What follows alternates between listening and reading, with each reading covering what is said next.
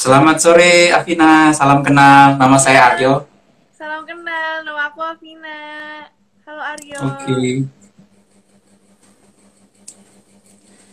Sip, kalau begitu kita mulai saja kali ya, karena ini Ya, sudah ada beberapa yang join ya. Oke, oke, boleh. Oke, sip. Ya, mungkin terima kasih atas waktunya Afina. Nama lengkapnya Afina Syifa Biladina ya. Iya. Oke, ya perkenalkan nama saya Aryo Utomo Yunanto. Hari ini kita akan live session tentang apa istilahnya bipolar dan BPD survivor. Ya, tema utamanya mental health. Nah, jadi mungkin sebelum kita mulai, mungkin bisa memperkenalkan diri dulu, Afina, ke audiens. Halo semuanya, aku adalah Afina Syifa Biladina dan aku adalah penyintas bipolar disorder. Keseharian aku selama ini adalah menjadi mahasiswa dan umur aku adalah 21 tahun. Oke, terima kasih atas perkenalannya.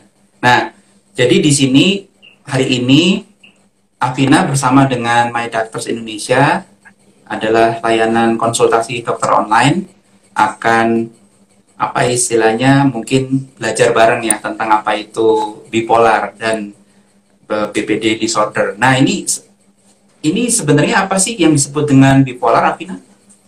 Oke, eh, bipolar itu adalah gangguan kesehatan mental seperti fisik. Hmm. Fisik itu memiliki gangguan fisik, sakit fisik gitu loh. Nah, begitupun dengan kesehatan mental. Kesehatan mental memiliki gangguan kesehatan mental. Nah, salah satunya yaitu bipolar disorder, di mana bipolar disorder itu adalah seorang individu yang memiliki empat fase. Manik, depresi, hipomanik, dan mixed episode. Tapi yang paling terkenal adalah orang eh, kalau orang-orang orang-orang yang memiliki bipolar itu adalah orang-orang yang memiliki dua fase, itu fase manik dan fase depresi. Seperti itu. Singkatnya sih seperti itu gitu. Oke, ya singkatnya seperti itu. Tentunya ada panjangnya.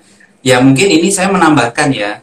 Jadi mungkin menambahkan dari pengetahuan di apa di My Doctors bahwa kalau disebut memang sering kali ini disebut sebagai apa istilahnya mood swing atau mood episodik ya. Jadi artinya ada episode-episodenya gitu ya, seperti film gitu. Jadi ada ya. Iya. Nah, di sini ada dua, ada tiga episode yang yang apa istilahnya berkaitan dengan bipolar yaitu manik tadi ya, artinya terlalu bersemangat gitu ya. Jadi Oh, semangat iya, banget. Terlalu, aku Iya, kan? Terlalu bersemangat, terlalu seneng Iya. gitu ya. Benar, benar. Terus ada juga yang fase berikutnya itu bisa apa tidak bersemangat atau mungkin kita sebut sebagai depresi gitu ya. Nah, terus ada fase yang ketiga yaitu netral, artinya tidak menunjukkan gejala apa pun. Nah, jadi mungkin di sini bisa bisa cerita gitu apa tentang awal mula kenapa kok bisa tahu bahwa Afina bipolar dan bagaimana melewati hal itu? Oke.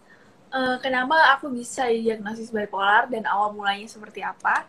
Awal mulanya itu aku masuk kelas. eh, Sebenarnya gini loh, aku sudah ada indikasi itu dari umur 4 tahun. Hmm, Dari umur 4 tahun Empat udah kelihatan banget ciri-cirinya seperti apa. Kemudian itu kata orang tua aku. Dan kedua, aku tuh dari SD udah ingin banget keluar dari rumah karena aku ngerasa Hmm. semua orang di rumah benci sama aku. Itu Hmm. di SD. Dan dari kelas SMA juga, aku itu ngerasa semua orang tuh benci sama aku dan rasanya tuh sedih banget gitu. Tapi itu tuh Ya. ketahan sama sahabat aku karena sahabat aku itu Sedih, ada di samping aku terus kan kayak nahan-nahan. Enggak kok semua orang nggak benci sama kamu gitu loh. Hmm, tapi ketika puncaknya itu adalah eh, kuliah awal awal awal semester 2 Maret 2018 Maret 2018 aku ngerasa bahwa aku tuh waktu itu masuk kelas masuk kelas. Masuk kelas terus aku ngerasa setibanya aku ngerasain lagi yang namanya dibenci sama semua orang. Hmm, tapi itu hanya hanya pikiran aku aja tapi aslinya tuh enggak. Mereka tuh baik-baik aja sama aku mereka ngobrol aja sama aku gitu. Ya. Enggak, tapi aku ngerasa semua orang tuh benci sama aku dan aku ngerasa mereka tuh kayaknya pingin aku keluar dari kelas gitu. Itu overthinking banget gitu. Terus akhirnya aku mikir kan yaudah deh gue pulang aja ke kosan. Akhirnya aku pulang ke kosan. Di kosan aku ngerasa uh, sendirian. Aku mengisolasi hmm. diri selama tiga hari. Selama okay. tiga hari aku mengisolasi diri aku nggak makan aku cuma tidur nangis tidur nangis. Jadi kerjaan aku tuh cuma tidur kemudian bangun lagi nangis. Tidur bangun lagi hmm. nangis. Dan kenapa aku tidur terus? Karena aku pingin rasa sakit itu tuh hilang gitu loh dari, dari rasa sedih itu hilang dari dari hmm. pikiran aku dari hati aku gitu akhirnya uh, aku juga ngerasa bahwa aku worthless aku ngerasa hmm. aku hopeless banget aku hmm. ngerasa dunia ini tuh mau hancur pokoknya aku ngerasa kayak ada di ruangan terus aku paling paling di pojokan terus gelap terus aku ngerasa bahwa dunia itu nggak adil buat aku. Dan solusinya menurut aku adalah bunuh diri. Semuanya okay. peras perasaan semua. itu, ya. kayak hopeless gitu-gitu tuh menurut aku solusinya adalah bunuh diri. Akhirnya aku cari di Google how to kill myself without hurt myself. Gimana caranya bunuh diri tanpa menyakiti diri aku sendiri gitu. Dan sebenarnya kan orang yang seperti itu dia itu pingin mati tapi itu sebenarnya tuh nggak pingin mati sebenarnya pingin menghilangkan rasa sedihnya aja gitu loh. Dan aku okay. tuh merasakan hal seperti itu. Terus aku karena kebetulan aku adalah jurusan kesejahteraan sosial dan aku ada mata kuliah mental health yang sebelumnya di mana aku belajar. Terus aku langsung aware wah kayak gue ada sesuatu nih. Kok gue pengen bunuh hmm. diri ya? Aku tuh langsung aware kayak gitu karena aku sebelumnya emang suka banget sama mental health dan emang ada mata kuliahnya gitu yeah, yeah. jadinya jadinya aku langsung aware wah kayak gue ada sesuatu deh gue pengen bunuh diri ini ini nggak beresnya nih nggak beres dan aku mikir kayak Afina Afina pengen ngerti Afina seperti apa Afina sayang Afina dan Afina pengen banget konsul ke profesional biar Afina mencintai diri Afina lebih baik gitu. Akhirnya aku langsung cari di Google psikolog hmm. Bandung akhirnya aku cari psikolog Bandung. Dari psikolog aku ketemu sama psikolog. Abis itu direkomendasi ke dokter. Direkomendasi ke dokter ke psikiater. Akhirnya aku didiagnosis bipolar gitu. Oke okay, okay, itu berapa lama sejak pertama kali mendeteksi saat kuliah yang pengen balik ke kosan mengunci di kamar dan sampai menemukan solusi psikologi Bandung itu? Berapa lama Afina? Itu cepet banget. Jadi selama selama tiga hari oh. kan aku dua hari itu aku mengurung ya. mengurung diri. Terus uh, hari terakhir aku akhirnya memutuskan untuk ke psikolog. Oke. Okay. Gitu. Jadi cepet banget karena makanya awareness tuh penting banget untuk diri kita sendiri gitu loh. Biar kita aware sama diri kita gitu. Itu ke psikolognya di artinya searching sendiri ya, karena mengurung diri di kamar kan gak ada temen pastinya ya Iya, searching sendiri. Aku nggak nggak minta tolong temen, tolong temenin atau gimana. Aku searching oh. sendiri, datang sendiri tanpa orang tua, tanpa bilang ke orang lain gitu. Uh, oke okay, oke. Okay. Berarti ya artinya karena sejak usia empat tahun sudah sudah mulai terdeteksi, lalu baru terasa dan bisa membedakan dengan jelas pada saat kuliah dalam kurun waktu tiga hari mencari solusi itu wah berarti ya itu bad, apa good luck ya. Jadi ya sesuatu yang sesuatu yang sangat baik ya. Karena menurut apa ya kalau memang kalau dilihat dari data WHO bipolar itu enggak enggak berat penyakit yang salah satu penyakit yang tidak berakibat fatal. Cuma memang yang perlu diketahui adalah gejala-gejalanya ya. Jadi artinya tadi kan depresi ya ngerasa nggak dibutuhin ngerasa kayak saya itu nggak berguna gitu. Terus ada keinginan sampai bunuh diri itu kan itu yang fatal ya bunuh dirinya ya. Memang iya. impact akhirnya bukan itu kan. Nah tapi kalau gejala ini sampai ke titik terendah ini yang memang fatal gitu. Wah kalau ngurung diri di kamar apalagi banyak bernak pernik ya yang ada yang tumpul ada yang tajam ada yang lingkaran ada yang macam-macam bentuknya. Ya, ya jadi apalagi nyari sampai dengan kepikiran nyari gimana caranya bunuh diri tapi biar nggak kerasa gitu. Jadi bunuh diri tapi nggak kerasa sakit atau apa gitu ya. Wow itu ya memang artinya memang yang ingin di apa yang ingin dipinggirkan itu adalah ya rasa tadi rasa yang nggak dibutuhin dan ya depresinya tadi gitu. Rasa kesedihan nah, itu gitu iya rasa kesedihan. Oke okay. nah sejak umur ya ini mungkin biar apa? Dari sisi apa yang yang terjadi di usia 4 tahun sampai ke kuliah itu ada gejala nggak yang muncul? Pernah ada sedikit gejala yang muncul mungkin kalau diingat-ingat? Mungkin ingat apa gitu? Entah mungkin pengen apa ngabisin duit tabungan setahun atau Iya kan itu kan semangat banget artinya manik ya masuknya ya. ya itu nah manik. atau mungkin atau mungkin ngerasa paling ngerasa paling jago tapi bukan Serina ya tapi ngerasa paling jago di sini. Ngerasa paling powerful gitu. Nah ngerasa paling powerful atau mungkin main sepeda terus pengennya kebut-kebutan gitu. Nah ada nggak perasaan seperti itu? Ada dari kecil aku tuh pingin banget bukan pingin banget tapi aku emang ngelakuin yang namanya jajanin temen neraktir temen ngabisin uang. Itu dari kecil kan misalnya kita dikasih uang jajan ya. Nah aku tuh rasanya yeah. pingin jajanin teman-teman aku pingin traktir teman-teman aku. Dan itu tuh udah kerasa banget sama Afina itu kalau misalnya ngomong itu talkative banget bener-bener talkative. Terus uh, dan itu tandanya Afina emang lagi seneng banget dan memang pala aku tuh pusing. Emang kan kalau manik kan juga ada indikasi dari fisiknya ya Nah, kalau yeah, betul. Kan, itu tuh Afina banget yang ngomongnya cepet gitu loh. Itu ketika okay. lagi manik, tapi ketika lagi depresi, sekalinya sedih, Afina tuh sedih banget. Iya, yeah, betul, tuh betul. sampai sampai kedengeran sama tetangga, itu anaknya diapain sama ngomong kayak gitu. Karena aku hmm. sedihnya hmm. tuh bener-bener nangis kencang banget gitu. Gitu itu sih memang dari yeah, yeah. tuh udah ada indikasi-indikasi yang aku juga pas pas lagi konsul sama dokter Afina waktu kecil gimana Terus aku bilang kan aku orangnya periang aku orangnya yeah.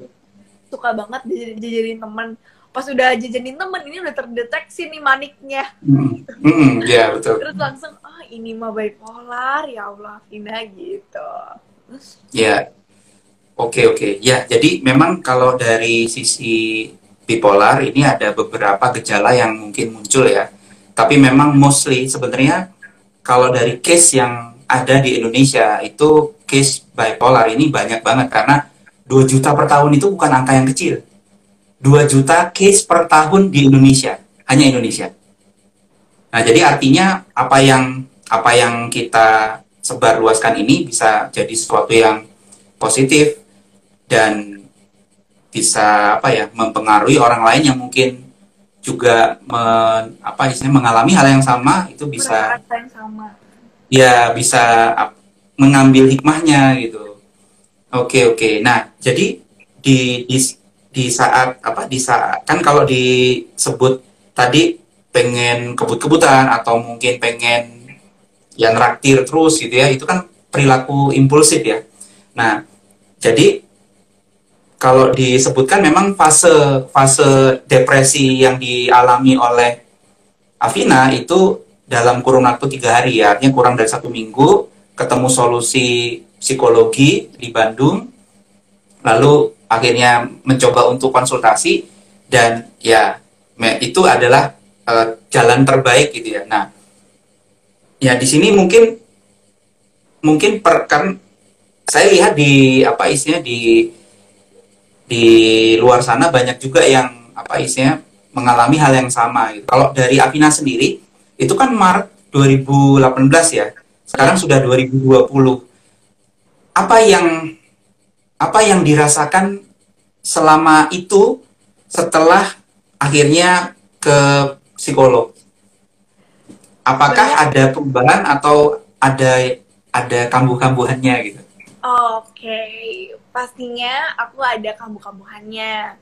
Karena hmm. aku tuh menjalani dua treatment ya. Pertama dari psikolog yaitu cognitive behavior therapy dan kedua okay. ada psikoterapi dari uh, eh psikoterapi salah uh, minum obat dari psikiater gitu. Jadi ada pis, ada pis, dari psikolog sama ada dari psikiater. Nah, selama ini selama dua tahun lebih ini ya dan hampir mau tiga tahun itu banyak sekali perjuangan naik turun. Di mana kambuh-kambuhan tuh kalau udah kambuh ya ampun. Aku tuh baru aja ngerasain nggak nggak baru aja sih. Maksudnya aku sudah udah udah merasakan depresi terus. Dan aku Hmm. tuh baru baru minggu kemarin aku baru beberapa beberapa hari yang lalu aku tuh depresi seminggu lebih. Jadi even tough kita udah udah berobat udah berobat sepanjang apa pun tapi tuh pasti ada kambuhnya. Cuman bagaimana kita mengontrolnya? Lebih baik tuh seperti Iya. apa? Gitu. Balik lagi ke kitanya sendiri. Jadi selama dua tahun lebih ini dari 2018 sampai mau 2021 ini aku bener-bener perjuangan yang sangat yang di mana ada stigma buruk masyarakat dari keluarga aku lah dari temen-temen dari netizen kemudian ada juga dari ya macam-macam lah stigma buruk masyarakat terus bagaimana aku menghadapinya gitu. Jadi kambuh-kambuhan sih. Karena kan di dunia ini kan pasti ada yang positif ada yang negatif ya. Kadang hal negatif tuh muncul nggak muncul. Maksudnya datang ke kita dan itu tergantung bagaimana kita uh, mengendalikannya dan itu juga bisa jadi trigger kita gitu loh. Iya. Oke, oke. Ya, berarti tadi ada fase di mana jumlah waktu depresinya lebih lama dibandingkan sebelum bertemu psikolog. Hanya memang karena sudah dapat mungkin dapat wejangan ya dari apa atau tadi menerima CBT ya. Jadi terapi dari psikolog sehingga oke langkah-langkahnya seperti ini. Jadi ibarat kayak kalau saya analogikan dengan apabila terjadi gempa, maka langkahnya adalah A, B, C, D. Nah, mungkin karena sudah ada langkah-langkah tersebut yang pada saat tadi depresi sekitar satu minggu itu, ya itu bisa ter apa ya, tidak semakin parah, tapi bisa terkendali gitu. Nah, mungkin bisa dibagi nggak tipsnya dari psikolog itu? Ya lumayan kan kalau dibagi di sini, artinya teman-teman yang yang dapat sharing di sini atau nanti yang mungkin lihat uh, live recordnya itu bisa uh, bisa dapat ilmu gitu dari Alvina. bagaimana aku mengendalikan depresi atau gimana bagaimana Ya, mengendalikan bagaimana depresi? mengendalikan depresi ya berdasarkan hasil ini hasil apa Ilmu istilah apa yang diterima dari ya betul. Oke, hasil konsultasi dari dokter aku dan dari psikolog aku pastinya pertama jika kambuh cek dulu nih aku udah minum obat belum gitu. Oke. Apakah aku sudah minum obat? Uh, kalau misalnya belum tuh biasanya kambuhnya tuh lebih lebih berdampak gitu loh, lebih muncul gitu loh. Nah terus kedua, pertama awareness dari diri sendiri. Apakah Hmm. ini sedang fase depresi atau fase mani? Gitu. Oke. Oh aku lagi depresi nih. Itu kan berarti ada awareness dong. Aku lagi Iya. depresi nih. Kemudian ketiga, tulis perasaan itu. Mungkin nulis rasanya males banget ya. Cuman coba Hmm. tulis perasaan apa yang dirasain sama kita. Pikiran-pikiran kita kita tulis. Misalnya, Hmm. aku lagi depresi nih. Aku ngerasa semua orang benci sama aku. Semua orang gak ada yang sayang sama aku. Kemudian ketiga, self talk. Kenapa sih semua jadi self talk ngobrol ke diri sendiri emang bener ya semua orang tuh benci sama aku? Apa buktinya? Jadi mencari-cari bukti. Apakah ini perasaan doang atau kenyataan? Gitu. Dan ketiga, cari coping skill yang benar, coping skill yang baik. Misalnya, suka memasak. Kayak aku contohnya aku, aku tuh coping skillnya kalau aku lagi depresi, aku mencoba untuk ketika aku sudah selesai self talk ya aku masak. Aku masak atau aku make up karena I love make up so much. Terus akhirnya aku lakuin apa yang aku suka.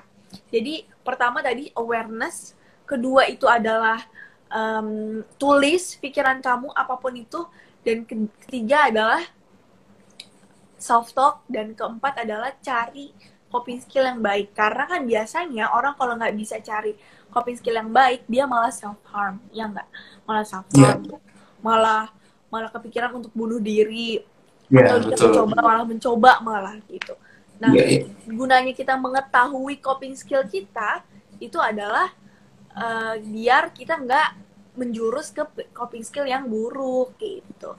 Dan yang paling penting sih untuk para penyintas eh, itu melakukan terapi yang benar. Misalnya aku ngelakuin cognitive behavior terapi.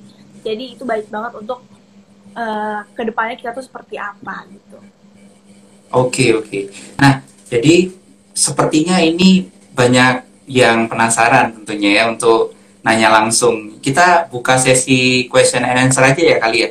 Iya, kita buka question and answer ya teman-teman. Oke, silakan teman-teman yang mau nanya, monggo. My Doctors ini berarti udah berdiri sejak kapan? Sudah berdiri sejak enam bulan yang lalu, tujuh bulan, tujuh bulan yang lalu. Ya, jadi konsultasi dokter online. Di kami ada juga psikiater, psikolog, psikiater, spesialis kedokteran jiwa, itu dokter catur. Nah, jadi nanti mungkin akan ada sesi kalau memungkinkan bisa langsung dengan dokter catur.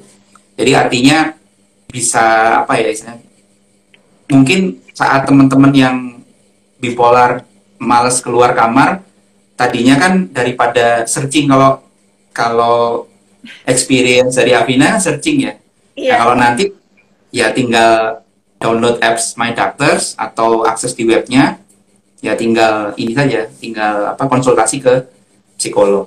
psikolog. Oke, ada pertanyaan terapi CBT itu gimana aja Kak Avina? Oke, okay, aku sekalian mau liatin uh, contoh CBT aku. Jadi aku tuh kalau CBT itu menulis apa apa pikiran aku, kemudian aku juga menulis perasaan, sensasi fisik dan emosi dan apa yang dilakukan. Jadi setiap hari aku harus tulis hal-hal seperti ini, kalian nggak? Nah, kayak begini pokoknya. Jadi setiap hari aku harus menulis apa yang aku rasakan, apa yang aku ingin lakukan gitu. Misalnya nih aku hari ini depresi, kemudian akhirnya aku tulis tuh di bu di bukunya atau di di notes aku nulis uh, kalau misalnya hari ini aku depresi, kemudian sensasi atau fisik yang timbul kan karena kan biasanya orang yang memiliki depresi atau orang yang lagi kambuh itu ada ada sensasi fisiknya kan ya sensasi hmm. fisiknya apa misalnya mah atau pusing palanya gitu-gitu. Yeah. Terus ya gitu apa yang ingin dilakukan? Misalnya biasanya kalau misalnya orang depresi ya uh, itu misalnya dia ngerasa worthless, akhirnya dia bikin aku kayaknya ingin self harm deh gitu. Tapi nggak jadi karena aku merasa bahwa dunia ini memang seperti ini dan aku harus menerima itu misalnya seperti itu jadi CBT itu lebih ke menulis apa pikiran kita apa mindset kita dan bagaimana kita caranya mengubah mindset kita dan pikiran kita gitu. Itu sih CBT seperti itu. Ya itu. Oke ada pertanyaan lain dari rekan-rekan yang join? Ayo ya, jadi tanya lagi? Iya bertanya lagi. Ini sambil nunggu pertanyaan yang lain. Jadi kalau dari apa kalau dari bipolar sendiri ini memang kalau disebut semua penyakit, semua kondisi, semua yang bahkan bukan disebut penyakit atau yang disebut dengan disorder itu bisa menurun secara genetika. Jadi ini ya kan artinya Oke, ini ada lagi nanti dilanjut lagi. Gimana cara rutin jurnal waktu fase depresi? Cara rutin jurnal. Oh, cara kayak pembukuan aja ya. Jurnal karena CBT itu mirip kayak, kayak jurnal, Kak. Oh iya. Yeah. mirip kayak jurnal kayak diary gitu, cuma lebih terstruktur gitu. Hmm. Nah, gimana caranya ya pastinya pertama tadi coba dilakuin awareness, kemudian lakuin um, karena ketika lagi awareness itu kita pasti habis itu menulis. Oh, aku lagi depresi, apa yang harus aku lakukan? Yaitu menulis. Abis itu men abis menulis self talk, abis self talk lakuin copy skill yang udah ditulis tadi. Karena ketika kita menulis aduh kok ini aku agak aneh ya. Ini ungu ungu ya? Ungu ya betul. Ungu ya? Aduh gimana dong? Ya. oke. Okay. ya nggak apa-apa mungkin masih ada suaranya. Moga-moga okay, nanti okay, okay. ya ya terus akhirnya? Disensorin namanya. Ini kenapa ya ini ya? Coba ya aku matiin lampu bentar bentar. Matiin lampu gelap ya hmm. Oke deh, kita lanjut ya. Pokoknya iya. uh, jurnal ketika lagi depresi itu adalah uh, semangat lagi, eh semangat lagi. Bukan semangat. Cara rutinnya ya harus semangat untuk oh aku teh pengen sembuh. Aku harus bikin jurnal. Dan harus ada niat, kemudian ada awareness dari diri sendiri. Kalau misalnya aku tuh pengen sembuh gitu. Memang awareness tuh penting sekali gitu. Gitu, Kak. Oke, oke. Nah, berikutnya, Kak, saat depresi pernah sakit dada nggak, Kak? Se -se setelah eh, sebelah kiri kayak tegang gitu, otot-ototnya sama giginya ngilu. Nah, itu itu tergantung kalau depresi itu tergantung masing-masing orang individu seperti apa sih. Jadi hmm. beda-beda efeknya. Kalau aku seperti aku tuh mah, palanya Oh, pusing. Jadi aku nggak pernah tuh ngerasain kayak begini, tapi aku pernah yang ngerasain pusing sama mah karena beda-beda kan eh, efek-efek ke orang gitu. Gitu. Oke. Nah, apa tanggapan mereka, maksudnya keluarga Kak Afina nih, tentang setelah mengetahui kondisi ini kan pasti kan cerita tuh saat searching psikolog Bandung atau tiga hari di kamar itu mungkin cerita gitu ya ke keluarga. Bagaimana tanggapan mereka? Aku nggak cerita sama sekali loh ke keluarga aku. Oh, Aku nggak cerita oke. sama sekali ke keluarga aku karena aku takut banget dijudge gitu. Aku takut Sampai banget. hari ini, sampai hari ini. Kalau hari ini aku udah cerita karena aku udah speak up. Oh iya. Speak Oke, setelah cerita maksudnya. Eh, kalau kalau kalau waktu pas sebelum diagnosis aku nggak cerita sama sekali karena aku takut banget Oke. dijudge yang namanya dibilang kurang iman, kurang ibadah, itu takut banget. Tapi akhirnya terjadilah ketika aku setelah didiagnosa, aku malah dijudge, eh, malah di stigma kalau misalnya aku tuh kenapa sih pengen bunuh diri tuh karena aku ada jin, karena karena Hmm. aku karena aku kurang iman. Aku akhirnya mendapatkan stigma seperti itu sampai akhirnya aku di rukiah dua kali tuh kak. Oh, dua kali. Wah, oke Nah, oke. aku di rukiah dua kali dan ya itulah respon-respon keluarga pada awalnya tapi akhir-akhirnya alhamdulillah mereka setelah aku edukasi apa itu kesehatan mental kemudian sama Ya. psikolog sama psikiater aku diedukasi akhirnya mereka lebih tahu apa itu kesehatan mental dan bipolar itu seperti apa dan bagaimana metreat Afina lebih baik itu seperti apa gitu Oke. Nah ini Kak, aku selalu ngerasa tertekan, aku ngerasa sendirian, gak dapet support dari ortu dan lingkungan. Aku harus gimana ya? Kalau misalnya memang sudah ganggu in- eh, produktivitas kamu, sudah ganggu aktivitas kehidupan kamu, perasaan ini tuh bener-bener ganggu, pergilah ke psikolog ataupun ke psikiater. Cobain my doctors kalau kayak gitu. you know, cobain my doctors. Abis itu, abis itu kamu konsul ke psikolog ataupun ke psikiater gitu. Kalau misalnya itu udah ganggu, cuman kalau nggak mau, kalau ngerasa nggak ganggu-ganggu banget, apakah ini perasaannya hanya perasaan atau memang kenyataan? Apakah Ya. memang kenyataan dibenci sama semua orang atau dibenci sama orang tua atau cuma perasaan aja? Balik lagi ke diri kita sendiri, kita nanya ke diri kita sendiri self talk. Kalau misalnya apakah ini tuh hanya perasaan atau kenyataan gitu, Kak? Gitu. Oke. Nah, terus gimana caranya bisa cerita ke orang tua tentang kondisi kita sebenarnya? Karena setiap mau cerita sama orang tua pasti takut, ya seperti tadi apa istilahnya yang disampaikan Afina gitu. Gimana? Oke, kalau misalnya memang belum berani, mentalnya belum siap nih ya untuk untuk konsul ke profesional, baik. eh untuk untuk speak up ke keluarga, itu menurutku Hmm. jangan dulu karena mendapatkan stigma itu rasanya nggak enak banget, rasanya nggak enak banget dan rasanya tuh bener-bener takut cemas gitu. Kalau misalnya dikasih stigma sama sama masyarakat atau dikasih stigma sama keluarga. Tapi kalau misalnya ingin kalau misalnya ingin speak up, silakan kamu cerita apa yang kamu rasain, kamu bilang.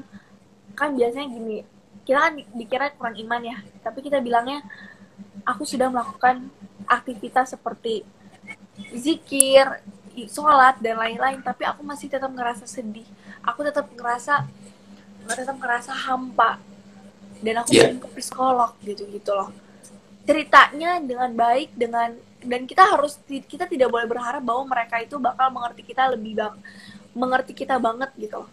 karena nggak semua orang tua siap mendapatkan hal itu. Mengetahui bahwa orang mengetahui anaknya memiliki gangguan kesehatan mental itu nggak semuanya orang tua itu siap gitu loh. Jadi menurutku sesiapnya kamu aja sesuai mental kamu gitu loh Oke, oke. Nah, lalu gimana Kak caranya mengatasi stigma dari orang-orang? Aku pernah dibilang kurang iman, ya mungkin tadi ya, ke- karena cerita ke teman kalau aku punya bipolar dan berkali-kali nyoba bunuh diri. cuek cuek the Cuek. power of cuek itu penting banget ya udahlah biar power iya di power of cuek karena aku tuh digituin tuh berkali-kali dibilang dibilang kurang iman dibilang dibilang apa lagi tuh ya dibilang aku tuh cuma konten doang bipolar dan lain-lain itu tuh bener-bener bikin aku sedih banget dan bagaimana kita dan biar kita nggak kepikiran ya kita pertama cuek biarinlah fokus ke orang-orang yang kamu sayang bukan fokus Oke. ke orang-orang yang benci sama kamu tapi fokus ke orang-orang yang kamu sayang yang or- orang-orang yang sayang sama kamu dan mencintai kamu gitu Iya, iya. Nah, ini ada pertanyaan. Kak, aku baru putus.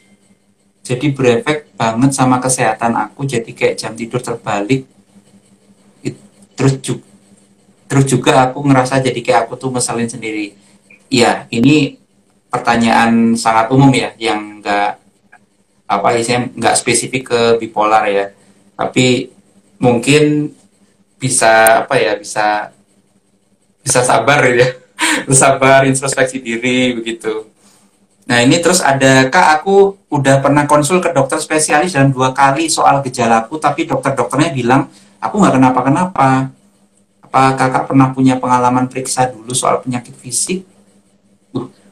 Pertama-tama Tak. banyak banyak banget loh orang yang kayak gitu juga. Dia udah ke spesialis sudah ke mana dan ternyata dia tuh nggak kenapa-napa.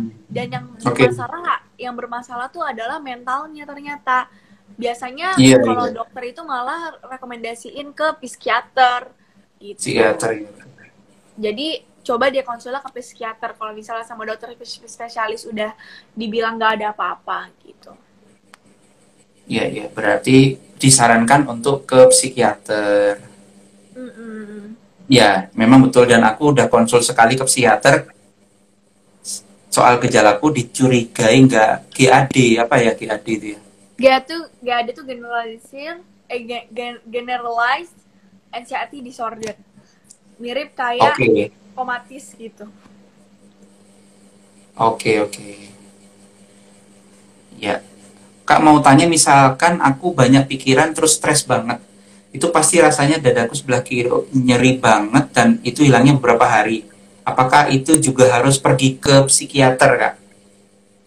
kalau udah sama pikiran nyambungnya itu dan mengganggu aktivitas sekali lagi sudah mengganggu aktivitas itu lebih baik konsul ke psikolog ataupun ke psikiater.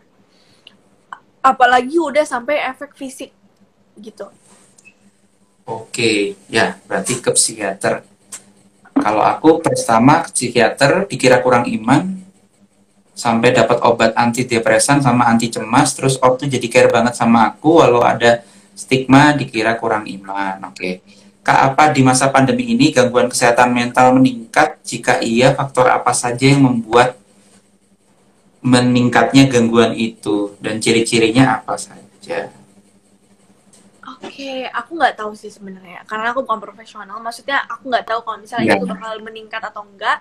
Cuman eh, memang di masa pandemi ini kesehatan mental tuh sangat mempengaruhi gitu loh. Kesehatan mental dan pandemi itu kayak berikatan gitu. Kayak Betul. kita tuh ngerasa, kan kita kuarantin ya, self kuarantin. Kemudian kita seperti mengisolasi diri sendiri dan ngerasa sendiri. Itu sangat mempengaruhi kesehatan mental kita sih. Dan eh, ciri-cirinya apa? Ciri-cirinya banyak banget kayak misalnya pola tidurnya itu udah berubah, kemudian ada ras- itu depresi sih. Tapi kalau misal intinya kalau udah sampai indikasi indikasi bunuh diri, sudah ada indikasi bunuh diri, sudah ada indikasi untuk menyakiti diri sendiri, itu biasanya sudah termasuk gangguan kesehatan mental dan harus pergi ke psikolog ataupun ke psikiater gitu loh.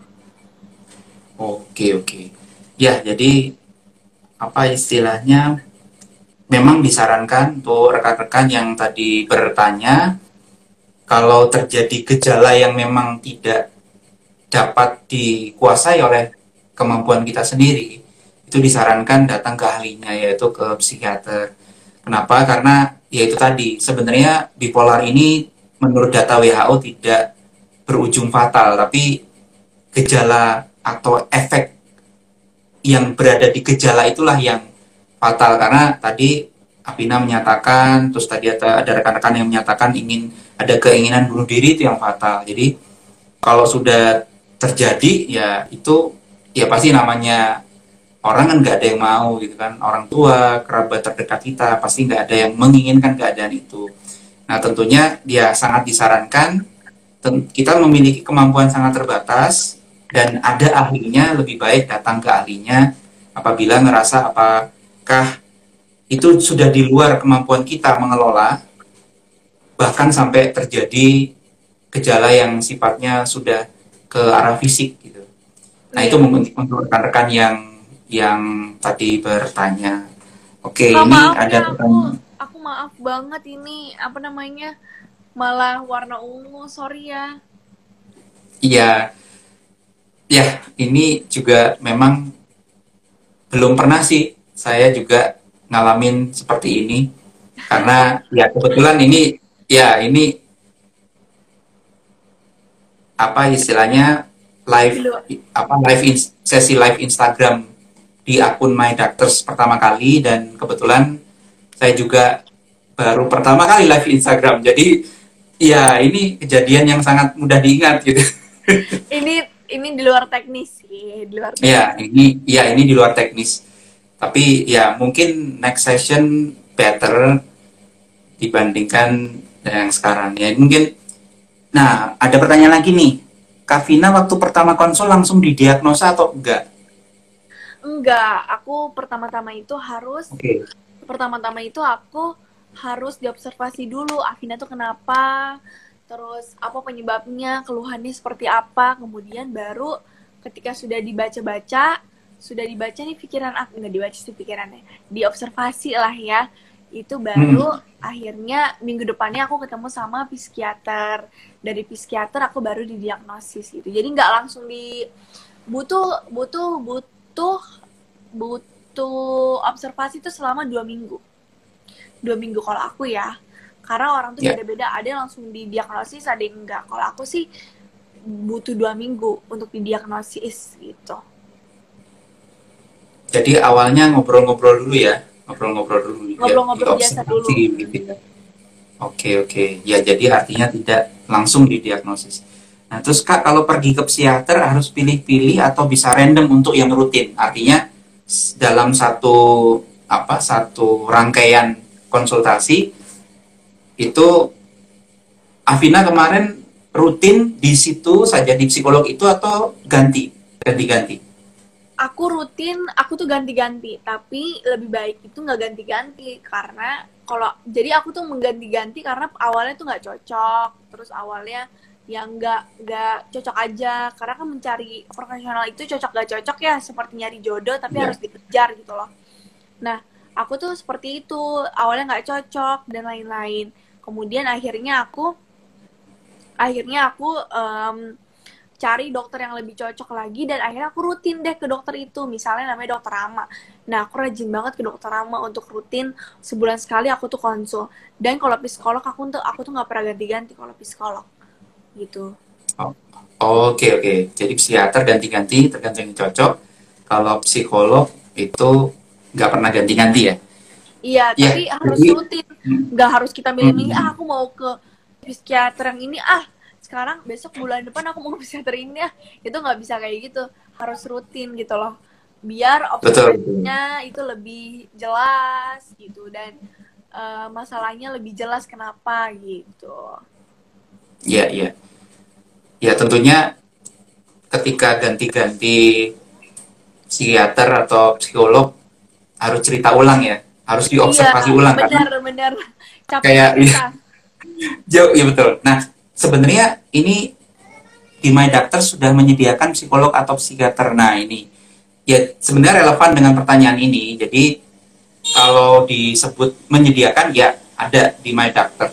Dan itu tadi sebenarnya apa yang memang dialami oleh semua orang ketika harus berganti karena nggak ngerasa cocok itu harus cerita ulang gitu. Nah kalau di My Doctors ini memang ini adalah cara kami yaitu pasien nggak perlu me mengulang pertanyaan, apa mengulang menjelaskan, karena pada saat konsultasi ke psikiater A, lalu kita nggak ngerasa cocok, lalu konsultasi ke psikiater B, psikiater B akan membaca seluruh catatan medis yang disampaikan oleh psikiater A.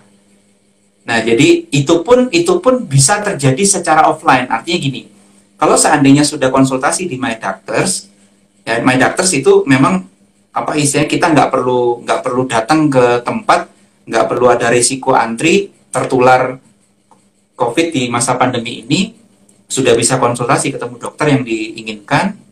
Dan apabila nanti tidak cocok dengan dokter yang di My Doctors dan ingin offline, itu bisa langsung tunjukkan di aplikasi My Doctors itu ada catatan medis kita.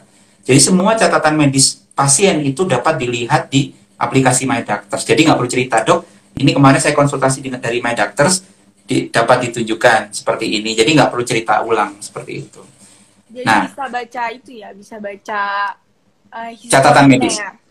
Iya betul, bisa baca riwayatnya. Iya.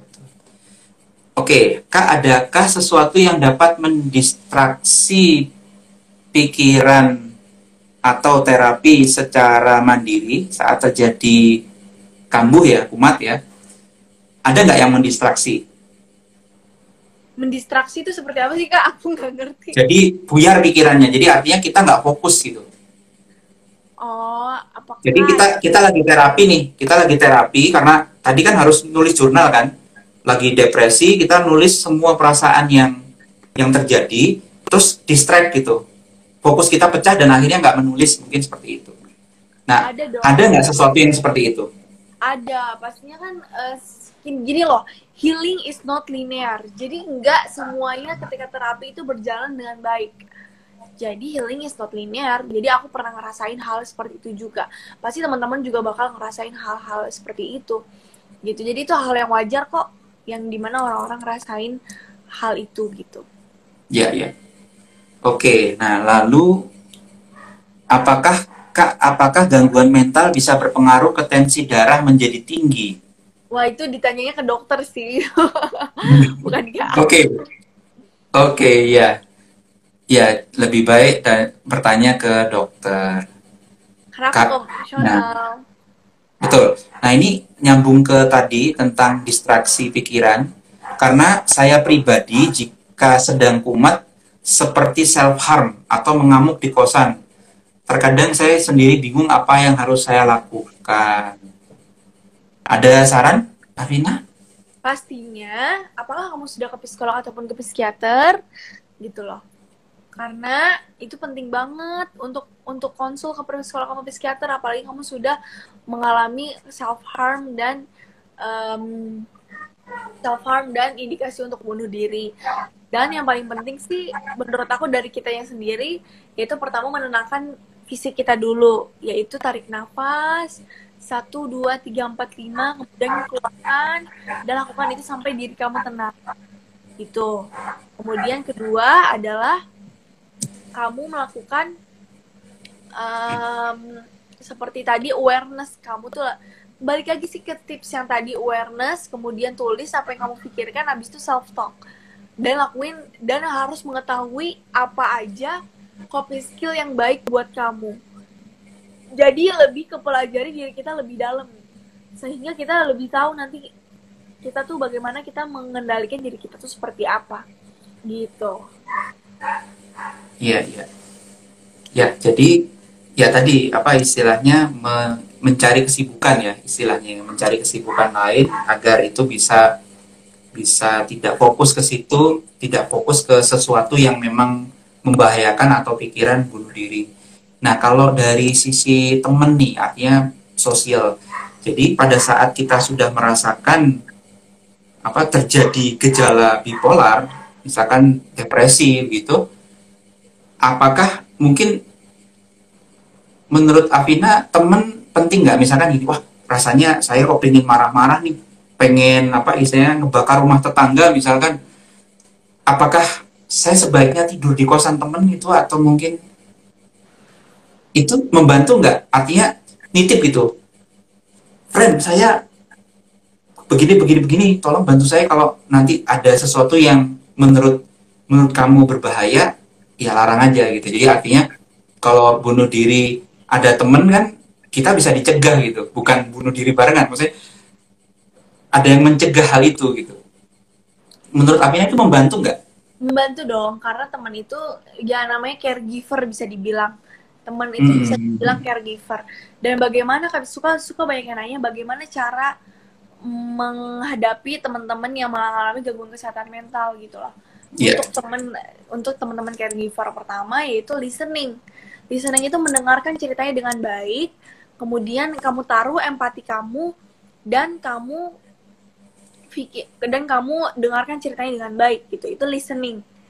Kemudian kedua adalah speaking kasih feedback yang baik ke teman kamu yang cerita ke kamu. Nah val- seperti validasi apa pun yang diceritakan misalnya dia pengen bunuh diri kamu validasi jangan menyalahkan dia tapi kamu validasi. Tidak judgmental pokoknya tidak tidak judgmental kemudian tidak membanding-bandingkan masalah kamu dengan masalah dia. Gitu. Itu itu speaking dan ketiga adalah touching touching mungkin agak aneh ya cuman sebenarnya touching itu seperti memeluk kemudian mengelus itu sangat ngefek banget ke ngefek banget ke kesehatan mentalnya. Seperti dia ngerasa jadi ngerasa nggak sendirian gitu loh. Jadi tadi listening kemudian uh, speaking dan ketiga adalah touching gitu. Jadi teman itu sangat mempengaruhi support system itu sangat mempengaruhi caregiver tuh sangat mempengaruhi teman-teman penyintas di luar sana gitu Iya, iya. Oke, lalu berikutnya apa bipolar bisa sembuh? Apa ada jangka waktu tertentu tentang sisi kesembuhan dari bipolar itu sendiri? kita ganti kata sembuh itu dengan bagaimana dia itu tadinya nggak bisa sekolah karena dia depresi jadi bisa sekolah tadinya nggak bisa bersosialisasi dengan teman-teman jadi bisa bersosialisasi bersosialisasi dengan teman-teman jadi kita ganti kata sembuh itu dengan bisa jadi bisa gitu Jadi bisa, ya. Apa ya bisa. Oke. Berarti dari jangka waktunya ya kalau disebutkan memang di sini bisa panjang, bisa apa ya, bisa pendek ya.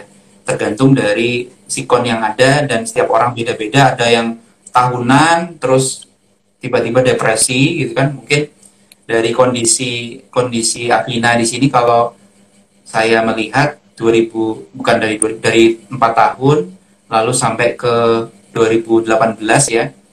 Itu artinya mu- kemungkinan sekitar 17 tahun ya, 17 sam- 17 atau 18 tahun saat kuliah itu terjadi depresi. Nah, di sini tadi disebutkan bahwa dapat menurun secara genetik. Nah, artinya memang yang memiliki apa istilah memiliki bipolar disorder di sini akan lebih berpeluang untuk secara genetik menurun dibandingkan yang tidak. Nah, yang kedua adalah dapat disebabkan oleh apa istilahnya? Disebabkan kecenderungan terhadap tekanan. Jadi artinya di dalam di dalam lingkungan itu mungkin ada ya kekerasan, ada apa istilahnya penggunaan obat-obatan dan lain sebagainya itu bisa me- memicu adanya bipolar. Nah di sini yaitu tadi penting penting adanya teman yang mengerti akan kita kan tadi kan di pertanyaan di atas itu bisa di apa bisa disebutkan bahwa ada kondisi teman-teman yang menjudge gitu ya menjudge. Nah di sini penting banget yang namanya sahabat. Jadi sahabat kan tidak mempertanyakan ini seperti apa. Yang jelas dia akan percaya sepenuhnya bahwa apa yang saya alami itu adalah tidak sedang apa ya lemah iman atau mungkin bahkan yang lain gitu kan. Nah itu. Iya. Oke, berikutnya terkait dengan Kavin selama didiagnosa pernah putus obat nggak? Jawabannya em, paling cuman bolong-bolong sehari dua hari gitu. Nggak berani sampai putus obat seminggu dua minggu tiga minggu empat minggu itu nggak pernah. Jadi aku tuh lebih ke eh, lupa minum obat nih sehari gitu. Lupa minum obat nih dua hari gitu. Cuman gitu aja sih karena aku nggak berani untuk bisa putus obat. Paling aku tuh direndahin dosisnya gitu. Direndahin dosisnya oleh dokter dikurangin dosisnya gitu Oke. Nah, ber- berkaitan nyambung juga sih saya ada pertanyaan tentang obat ya. Artinya kalau dalam masa diagnosis ini di, ada pemberian obat dari dokter. Lalu bagaimana dengan jika sudah tidak ada gejalanya lagi? Apakah tetap ada yang dikonsumsi atau bagaimana, Afina? Tahu aku ya se- selama menjadi penyintas eh, tetap ada yang dikonsumsi.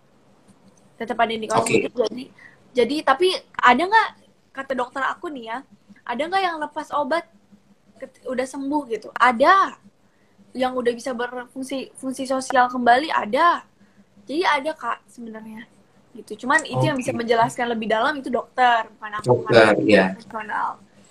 Oke, berarti sampai dengan saat ini pun masih ada yang dikonsumsi oleh Afina ya? Eh, masih setiap hari. Oh, setiap hari? Masih setiap hari ya? Kak. Jadi minum obat itu bukan sebulan sekali, bukan seminggu sekali, tapi setiap hari. Sampai? Sampai sampai dokter memutuskan bahwa aku tidak usah minum obat lagi. Oh, oke. Oke, jadi itu itu sudah sejak dua tahun yang lalu ya berarti ya minum obatnya ya. iya. Oke. Nah, terus di sini ada ada dampaknya kak kalau nggak minum obat beberapa kali. Tadi kan disebut bolong-bolong ya. Nah itu ada dampaknya. Ada dampaknya jadi kambuh. jadi Oh, kambuh. iya, jadi kamu. Iya Jadi benar kambuh jadi ya. ini seperti logika logika aja sih. Kalau nggak minum obat ya nanti kambuh, nanti nggak sembuh gitu. Logika kambuh ya. Iya, gitu. Iya, jadi kalau nggak minum obat pasti kambuh gitu. Karena nggak nurut gitu ya istilahnya ya. Nggak nurut ahlinya gitu ya. Hmm, iya. Nah, Kak Vin, aku konsumsi obat bipolar, efek sampingnya itu bikin nafsu makan meningkat banget. Aku nggak suka, Kak, dengan efek sampingnya karena berat badan aku naik. Jadi, jadi aku mutusin untuk nggak minum lagi. Menurut kakak gimana? menurut aku hal seperti itu konsulin lagi ke dokter karena kita tuh harus jujur ketika kita konsul ke dokter apa pun Iya. itu dok kok efek sampingnya seperti ini ya dok ya? Kenapa ya Hmm. dok ya? Soalnya aku nggak suka banget efek sampingnya seperti ini gitu. Jadi konsulin lagi ke dokter. Dan jangan asal putus obat karena kamu nggak suka sama efek sampingnya karena itu nggak baik buat kamu gitu. Iya, betul. Ya, oleh karena itu kenapa dokter ngasih obat? Karena memang itu ada ma- ada maksudnya ya. iya bener banget. Hmm. Oke, nah pernah nggak ngerasa bahwa dengan kondisi terjadi saat gejala terjadi itu sulit tidur atau bahkan ngerasa nggak butuh tidur? Kalau tergantung aku lagi di fase apa. Kalau misalnya lagi manik, aku biasanya nggak butuh tidur. Tapi kalau Oh. misalnya lagi depresi, ah, karena karena kan manik tuh kan punya energi yang sangat banyak ya. Akhirnya iya. aku nggak butuh tidur. Tapi kalau misalnya lagi depresi, eh, aku biasanya tidurnya tuh malah lebih lama. Lebih, lebih lama, lebih dari 12 jam. Gitu. Wow. Kita kayak podcast ya lama-lama. Iya, betul. Seperti podcast. Oke, ini waktunya tinggal tiga menit lagi. Mungkin ada. Oke, ini satu pertanyaan, lalu nanti ditutup dengan closing statement dari Kak Afina ya.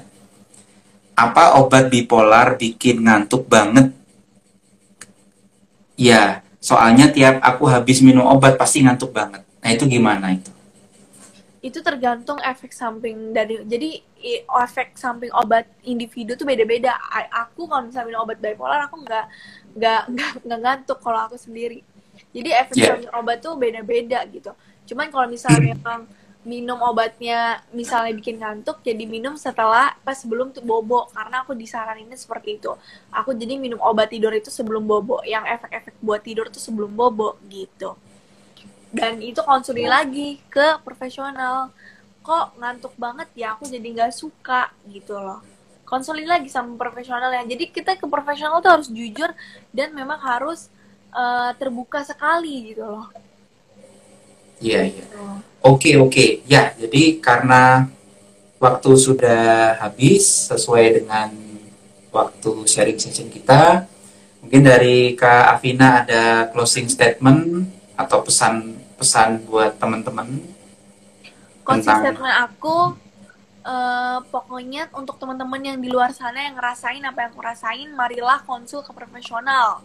Jangan takut nggak konsul ke profesional. Maksudnya jangan takut untuk konsul ke profesional karena konsul ke profesional itu adalah suatu hal yang wajar. Ya mau ke dokter mau ke psikolog itu adalah hal yang sangat wajar, bukan hal yang sangat tabu.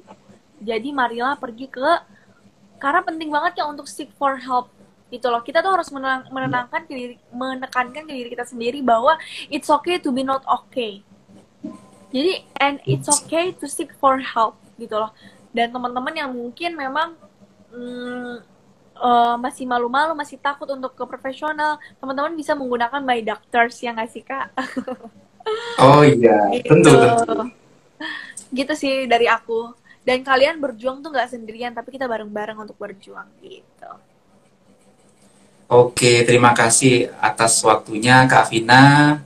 Dan ya. terima kasih juga untuk rekan-rekan yang hadir. Bertanya, aktif bertanya, sangat baik. Semoga bisa terbantu dengan seluruh insight atau wawasan dari Kak Afina hari ini.